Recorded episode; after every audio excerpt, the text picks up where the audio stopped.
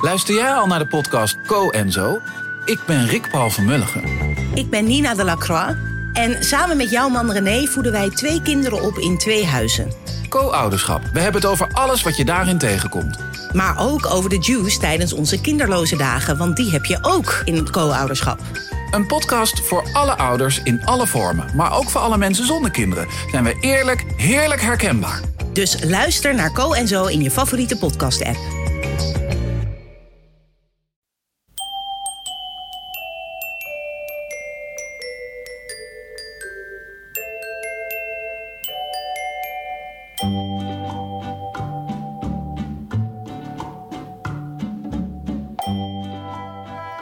Bij aflevering 35 van de Echt Gebeurd podcast, waar echt gebeurde verhalen worden verteld door de mensen die het zelf hebben meegemaakt. In deze aflevering een verhaal van Linda Polman. Het thema van de middag was de baas.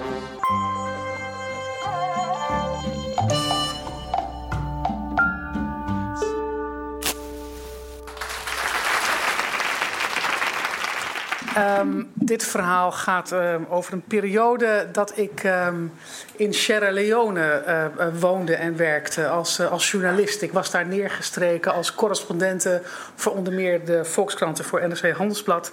en ik weet niet waar u Sierra Leone van kent, maar dat is dus dat land van die ontzettend vrede burgeroorlog en van de bloeddiamanten.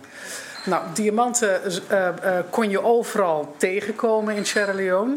Ik ben naar het district gereisd waar die diamanten gedolven werden.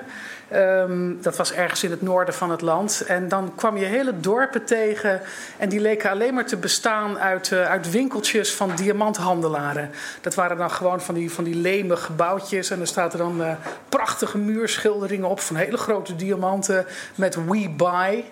Um, en elke vrijdag uh, in zo'n dorp, dan stroomde dat dorp vol met uh, mannen en jongens. Die hadden dan de hele week in de bush om, om zo'n dorp heen, hadden ze naar diamanten zitten graven. En die kwamen dan op vrijdagavond naar zo'n dorp toe om de oogst van die week te verkopen in zo'n winkeltje.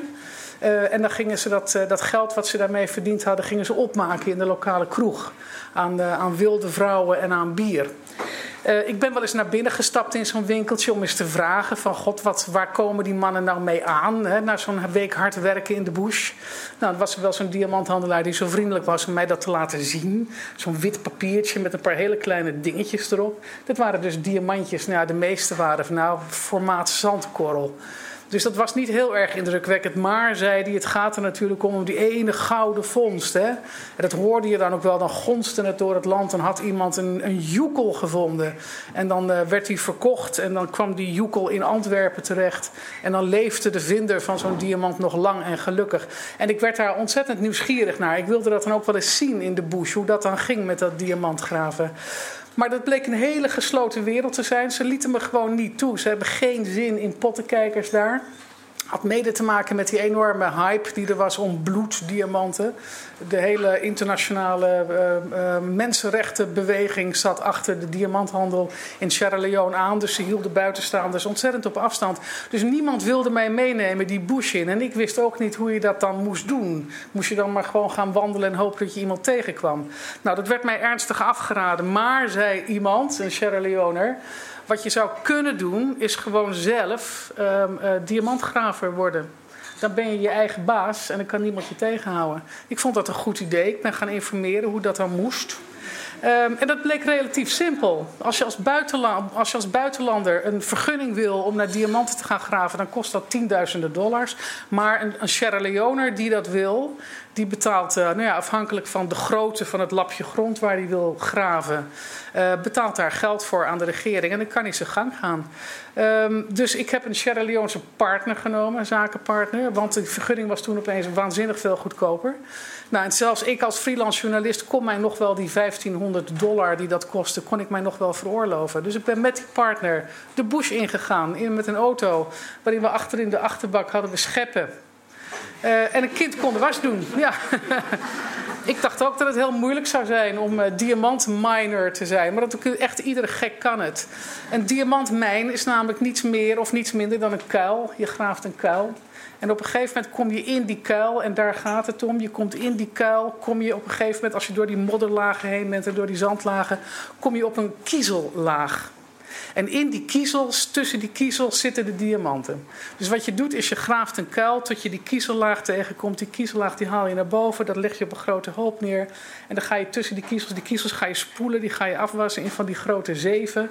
En dan rollen die diamantjes naar het midden van je zeven. En die kiezels die blijven aan de zijkant liggen. En daar middenin liggen dus jouw diamanten. Nou ja, dat is inderdaad super simpel. Dus ik uh, de bush in met die scheppen. En uh, ik had een uh, licentie genomen voor een stuk grond van, nou, wat zal het geweest zijn? Tot, tot aan de trap, zo om de piano heen. Um, ik zat in een, in een deel van het land waar je vrij diep moest graven. Om op die kiezellaag te komen, namelijk tussen de 6 en de 8 meter. Dus het was, ja, het was wel even doorgraven. Maar uiteraard, ik was de baas, dus ik groef niet zelf. Hè, dat zie je niet voor je. Ik, uh, ik, ik had daar mijn mannetjes voor. Die haalde ik uh, uit het dorp. Ja, het is echt verschrikkelijk. Die haalde ik uit die dorpen. Die gaf ik een schep en dan zei ik, ga graven. Nou, dat deden ze. Je hebt in heel Sierra heb je verschillende systemen van betalen. Uh, in sommige delen van Sierra betaal je mensen een salaris. Betaal je ze eens in de week uit. Waar ik aan het graven was, waar mijn licentie was, dat was in een, in een district waar je mensen. Uh, als, uh, als tegenprestatie uh, geef je ze eten en je zorgt ervoor dat ze, een, dat ze een tent hebben om in te slapen. Um, maar je geeft ze geen salaris, je laat ze meedelen in de winst als die diamanten eindelijk tevoorschijn komen. Dus dat was de deal. Ik vond dat heel betaalbaar als freelance journalist. Want het enige wat je hoefde te doen was die rijst te kopen.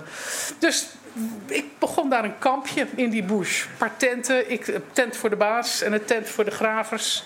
Kok erbij, want er moest uiteraard iedere dag moest er, uh, twee maaltijden geserveerd worden. En uh, ik was in business. Nou, het eerste wat je doet, dat is, dat is je mannetjes de opdracht geven om alles wat daar groeide om te hakken en uit te graven. Anders kun je niet graven immers. Dus de meest prachtige palmbomen gingen tegen de vlakte en bamboebossen gingen tegen de vlakte. Maar dat moest. Het was voor, de goede, voor het goede doel. En toen zijn ze gaan graven. Nou, de eerste paar dagen vond ik het fantastisch. Echt zo leuk.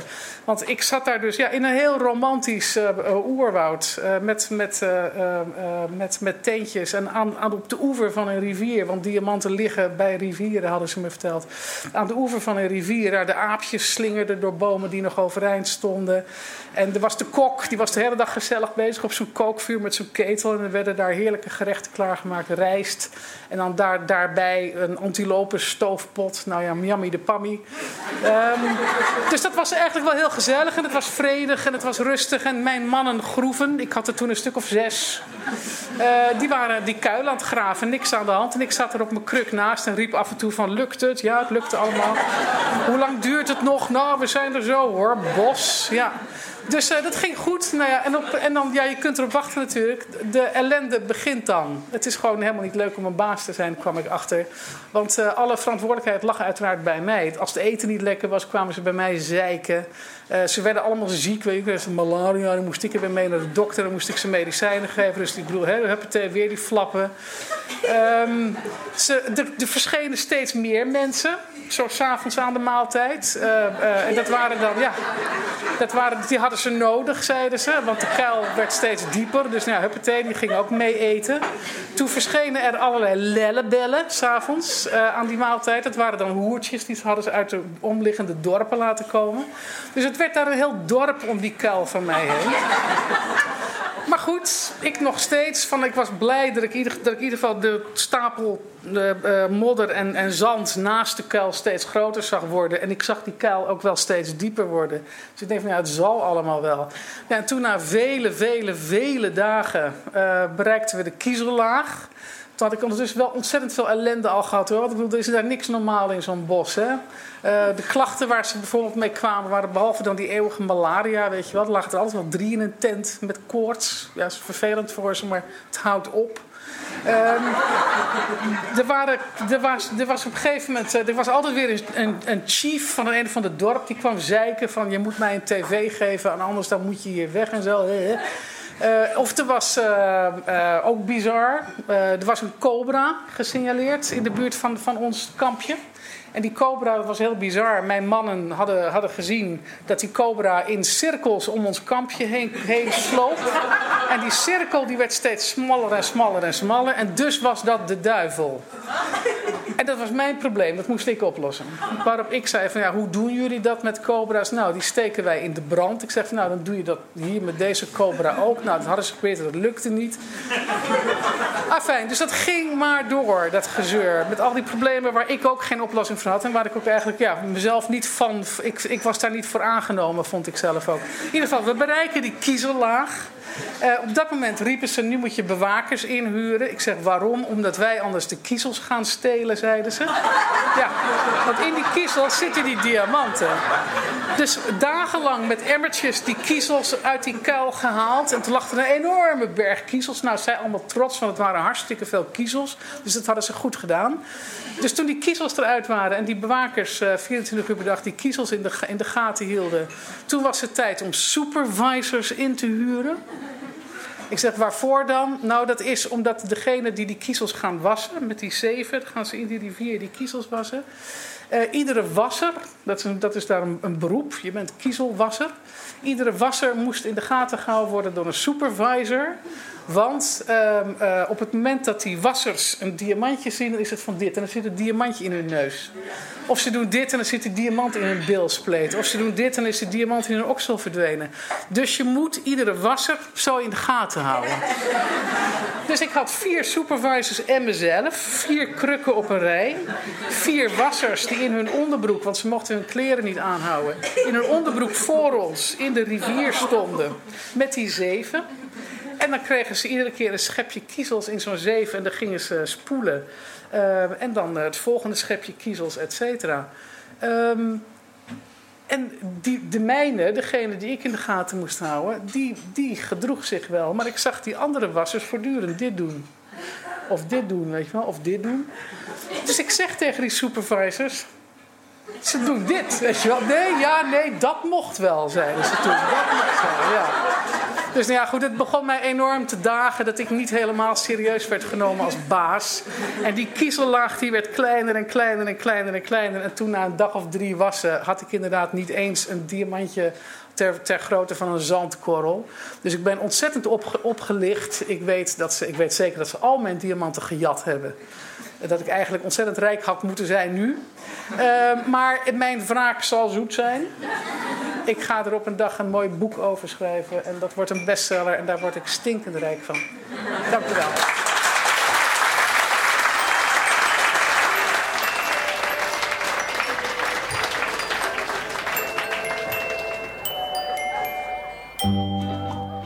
Dat was het verhaal van Linda Polman en het thema van de middag was De Baas.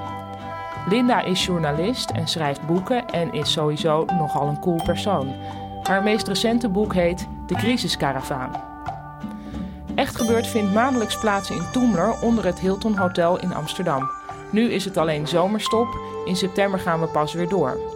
Tussendoor kun je ons wel zien op Lowlands en dat is al heel snel, namelijk op 17, 18 en 19 augustus. De thema's daar zijn seks, drugs en, ja, rock and roll. Begin september zijn we op Into the Great Wide Open op Vlieland. Voor alle informatie hieromtrent verwijs ik naar de website echtgebeurtintoemler.nl. Daar staat ook op hoe je je kunt aanmelden om zelf een keer een verhaal te vertellen, want dat willen we heel graag. De redactie van Echt Gebeurd bestaat uit Micha Wertheim, Rosa van Dijk, Eva Maria Staal en mijzelf, Paulien Cornelissen. De techniek is in handen van Vrijman en Vrijland. Bedankt voor het luisteren en bedenk, als je twijfelt tussen een diamantmijn of een volkstuin, kies dan maar voor de volkstuin. Tot de volgende podcast.